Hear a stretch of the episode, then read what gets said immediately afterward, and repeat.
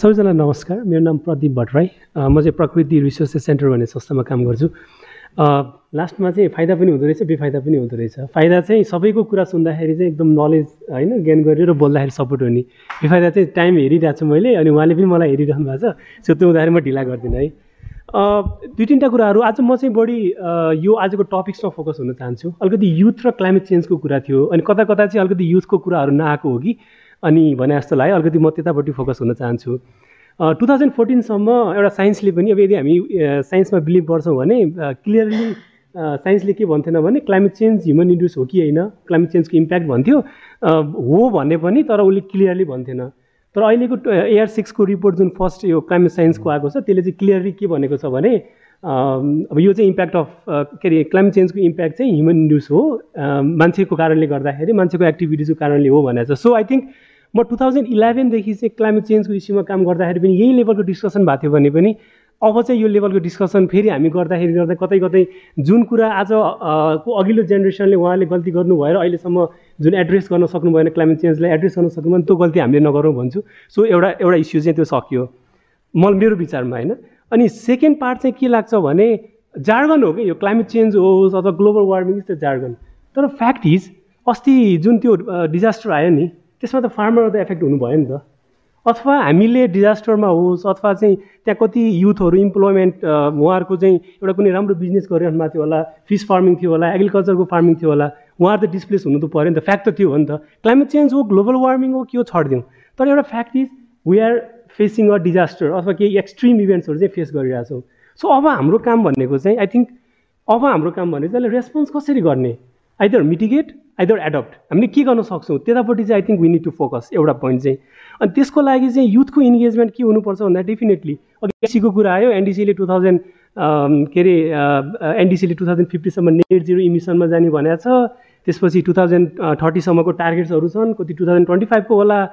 तर त्यो to thousand twenty फाइभसम्म त बाँच्ने त्यो अबको लाइफ जिउने भनेको त युथले हो नि त।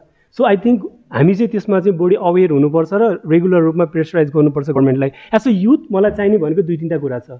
एउटा एकदम राम्रो राम्रो जीवन म बाँच्नु पाउनु पऱ्यो सेकेन्ड भनेको म एजुकेसन लेभल मेरो एजुकेसन मैले चाहिँ जुन रूपमा प्राप्त गर्नु चाहन्छु ह्युमन राइट्स मैले त्यो पाउनु पऱ्यो थर्ड भनेको इम्प्लोइमेन्ट अपर्च्युनिटी होइन? इम्प्लोइमेन्ट अपर्च्युनिटी मलाई चाहियो। एज अ युथ मलाई त्यही हो। आई थिङ्क सबैजना युथहरूलाई यस्तै यस्तै कुराहरू छ।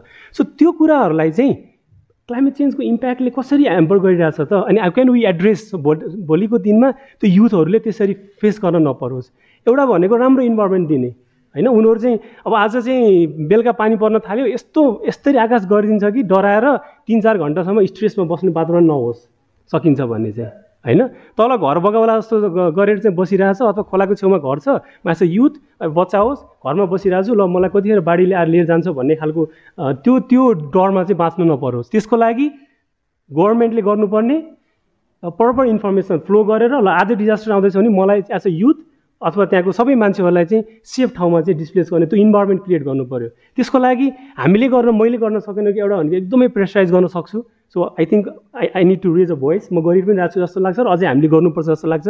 एउटा चाहिँ अनि अर्को भनेको चाहिँ यदि वेयर त्यो प्लानहरू चाहिँ पच्चिस अथवा two thousand twenty five two thousand थर्टिनसम्म थर्टीसम्म टु थाउजन्ड फिफ्टीसम्म छ भने त्यसमा युथको इन्गेजमेन्ट छँदै छैन। टु बी फ्रेङ्क नेपालमा हेऱ्यो भने एनडिसी डकुमेन्टमा टु बी फ्रेङ्क यहाँ यहाँ भएकोले कतिजनाले चाहिँ एनडिसी डकुमेन्ट मजाले हामीलाई थाहा छ त। होइन त्यो त टु थाउजन्ड फिफ्टिनसम्म भनिरहेछ। के अरे सरी टु थाउजन्ड फिफ्टीसम्म भनिरहेछ टु थाउजन्ड थर्टिनसम्म भनिरहेछ। तर भोलिको लागि त्यो युथ इन्गेजमेन्ट त्यहाँ त्यो डिस्कसन केही पनि भएको छैन होइन? सो त्यो चाहिँ हामीले कसरी हुन्छ त्यसलाई चाहिँ एकदम हामी एज अ युथ होइन त्यो रेज गर्नु पऱ्यो कि त्यो मेरो लाइफ हो। मेरो लाइफमा चाहिँ मेरो डिसिजन मेकिङ प्रोसेस अथवा मेरो डिसिजन पावर चाहिँ ममा हुनुपर्छ भन्ने खालको चाहिँ त्यो भोइस हुनु पऱ्यो अनि अर्को भनेको डेफिनेटली एक्सेस टु फाइनेन्स एक्सि एक्सेस टु फाइनेन्स भनेको चाहिँ मैले रिसर्च गर्दाखेरि होस् अथवा म कुनै एउटा एन्टरप्रेनर बनेर चाहिँ क्लाइमेट चेन्जको इफेक्टलाई चाहिँ कम गर्छु भनेर चाहिँ मैले कुनै इनिसिएसन गर्न चाहन्छु भने त्यो म फाइनेन्स कहाँबाट एक्सेस गर्न सक्छु? अघि यहाँ जिसिएफको कुराहरूमा आज आई थिङ्क एकदम डिस्कसन गर्न एकदम राम्रो हो। तर मेरो एज अ युथ चाहिँ मैले के सोच्छु भने त्यो जिसिएफ होस् होइन अथवा चाहिँ एडप्टेसन फन्ड होस् अथवा चाहिँ जे फन्ड होला त्यो मसँग त्योभन्दा पनि म एज अ युथ म स्याङ्जा म मेरो घर स्याङ्जा हो। म स्याङ्जा बसेर कुनै एन्टरप्रेनर मैले काम गर्न चाहेँ भने मैले सजिलोसँग कसरी एक्सेस गर्न सक्छु त? म चाहे त्यो पालिकाबाट होस् त्यसको लागि म काठमाडौँ आउन नपरोस्। हाउ क्यान वी त्यो च्यानलाइज कसरी गर्न सक्छौँ? होइन क्लाइमेट चेन्ज आएर त्यो खालको इन्भाइरोमेन्ट चाहिँ क्रिएट हुनु पऱ्यो मेरो एउटा चाहिँ त्यो लाग्छ। अनि अर्को भनेको चाहिँ अहिले एउटा नयाँ इस्यु आएको अघि फेरि आइसक्यो जार्गनकै रूपमा छ यो लस एन्ड ड्यामेज भनेर हामी जार्गनको रूपमा भन्छौँ। एकदम छोटकरीबाट सेयर मात्रै गर्न चाहन्छु। यस्तै फिल्डमा चाहिँ हामी जाने क्रममा चाहिँ तराईको एउटा डिस्ट्रिक्टमा चाहिँ एकजना बच्चा आई थिङ्क नाइन क्लासमा पढ्ने एकजना नानीले चाहिँ के भन्यो भने ऊ स्कुल जानै छोड्यो अरे कारण के त भन्दाखेरि स्कुलबाट बिदा भएर चार बजी बिदा भएर घर आउँदाखेरि चाहिँ बाटोमा आउँदा आउँदै फ्लड आएछ उसलाई बगाएछ। होइन सटेनमा रेस्क्यु भयो। अनि उसलाई डैली पनि डर के हुँदो रहेछ नि त्यो बाटो देख्ने बित्तिकै ला यहाँ त फ्लड आउँछ मलाई बगाउँछ होला अथवा चाहिँ होइन त्यो खालको डरले गर्दाखेरि ऊ स्कुलै छोडिदियो। हो त्यस्तो खालको इम्प्याक्ट बच्चाहरूले होस् होइन युथ होस् अथवा इभन अरू यङ पिपुलहरूलाई चाहिँ कसरी हामीले चाहिँ त्यो लस एन्ड ड्यामेज अब आउने जुन इम्प्याक्टहरूले गर्दाखेरि जति पनि लस अनि त्यो जुन लस एन्ड ड्यामेज भनेको नट ओन्ली इन्फ्रास्ट्रक्चर अथवा इकोनोमिकल लस हाम्रो हाम्रो मेन्टल स्ट्रेस होस् होइन हाम्रो चाहिँ जुन त्यो कुरालाई पनि हामीले हेर्न सकिरहेको छैनौँ र त्यो चाहिँ एकदम इम्पोर्टेन्ट हुन्छ।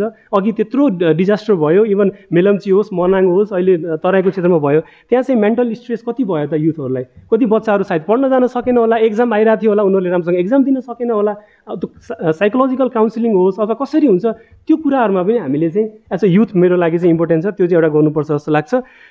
फाइनल्ली चाहिँ एकदम इम्पोर्टेन्ट अघि पनि आएको छ म टोटली एग्रिड अनि एक्सेस टु टेक्नोलोजीको कुरा किनभने क्लाइमेट चेन्जको इम्प्याक्टलाई कम गर्ने भनेको टेक्नोलोजीले नै हो मिटिगेसन होस् एडप्टेसन होस्। त्यो टेक्नोलोजीलाई चाहिँ अब इभन हामी जस्तो देश एकदम एलडिसी भन्छौँ हामीले हाम्रोमा चाहिँ टेक्नोलोजी छैन हामीलाई इन्फर्मेसन एकदमै ग्याप छ।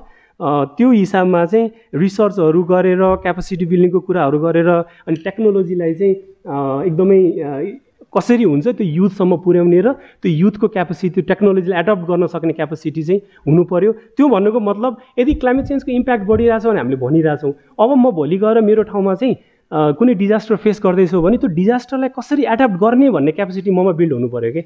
होइन? त्यो त्यो बिल्ड भयो भने पो म त्यो डिजास्टरलाई रेस्पोन्स गर्न सक्छु। एउटा लाग्यो। लास्टमा चाहिँ दुइटा पोइन्ट मात्रै भन्न चाहेँ।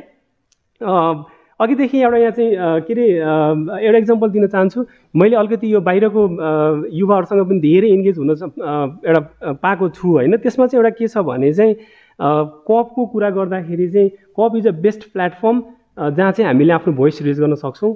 There are some countries like Maldives Bangladesh south एसियामा हेऱ्यो भने तिनीहरूले यति राम्रोसँग युटिलाइज गर्न सकेको छ कि त्यो कपको त्यो प्लेटफर्मलाई आफ्नो इस्युलाई पनि रेज गरेको छ। अनि विदेशबाट जति पनि यो क्लाइमेट चेन्जसँग भएको फन्डहरूलाई पनि डाइरेक्टली आफ्नो कन्ट्रीमा लगेर चाहिँ एडप्टेसन र मिडिकेसनमा प्रोग्राम गर्न सकेको छ। तर टु थाउजन्ड इलेभेनदेखि अहिलेसम्म पनि आउँदाखेरि हामी के भनिरहेछौँ भने कप त हाम्रो लागि केही छैन यो ठुल्ठुलो क्लाइमेट चेन्जको जार्गन्सहरू हाम्रो लागि काम छैन भन्दै मात्रै बसिरहेछौँ। तर त्यसलाई भन्दा पनि अब त्योभन्दा अलिकति फरक गरेर चाहिँ कसरी त्यसलाई चाहिँ बेस्ट युटिलाइज गरेर चाहिँ हामीले हाम्रो क्यापेसिटीमा होस् अथवा अरू के के हुनसक्छ त्यसलाई युटि युटिलाइज गर्न सक्छ आई थिङ्क बेस्ट त्यो एउटा हुनुपर्छ। अनि लास्टमा चाहिँ सबै कुरा गरिराख्दाखेरि चाहिँ सबभन्दा हुने भनेको आफ मेरो लाइफ स्टाइल लाइफ स्टाइल कस्तो छ त्यसले फरक पर्छ। मेरो कन्ज्युम्सन क्यापेसिटी मैले के कन्ज्युम गरिरहेको छु हामी सबैमा त्यो लागु हुन्छ। मैले के कन्ज्युम गरिरहेको छु होइन? अथवा मैले मेरो चाहिँ लाइफ स्ट्यान्डर्डमा क्लाइमेट चेन्ज भनिराख्दाखेरि मैले मेरो लाइफ स्टाइल परिवर्तन गर्न सकेको छु कि छैन? भन्ने कुरा चाहिँ लास्टमा एउटा इम्प्याक्ट हुन्छ। सो त्यो हुँदाखेरि चाहिँ सबैजना एज अ युथ हामीले भोलि आई थिङ्क हिजो अस्तिको दिनमा पनि क्लाइमेट चेन्ज हो कि होइन भन्ने कुरा गर्दाखेरि पनि एउटा दसैँ ठ्याक्क आयो। दसैँको बिदामा चाहिँ मेरो केही साथीहरूले घुम्न जाने भने अनि मैले डिएचएमको त्यो रिपोर्ट हेरेको थिएँ पर्सिदेखि पानी आउँछ भनेर। अनि मैले भनेँ तिमीहरू हिमालतिर जाँदैछौ घुम्न पानी पर्छ भनिरहेछ। ख्याल गरेँ ए यो आउँदैन। कहाँ तिनीहरूले भनेर आउँछ? अहिलेसम्म कहिले मिलाएको छ र हामीलाई थाहा छ नि त सबैले। आयो बिचराहरू बाटोमा गएर यति दुःख पारेर फर्क्यो। भन्नु खोजेको क्लाइमेट चेन्ज हुन्छ भनेर साइन्स कता क्लाइमेट चेन्जको इम्प्याक्टले अब चाहिँ एक्सट्रिम इभेन्ट्सहरू बढ्दैछ भनेर बढिरहेछ भने त्यसैमा त्यसैमा सोचेर हामीले आफ्नो डेभलपमेन्ट वर्कलाई अगाडि बढाउनु नबढाउँ भनेको चाहिँ होइन। तर सोचेर अब हामीले चाहिँ यस्तै यो यो भन्दै गर्छ भनेर बस्नुभन्दा पनि त्यसलाई कसरी फेस कम गर्ने र हामी त्यसबाट कसरी बच्ने भनेर चाहिँ सोचौँ लाग्छ।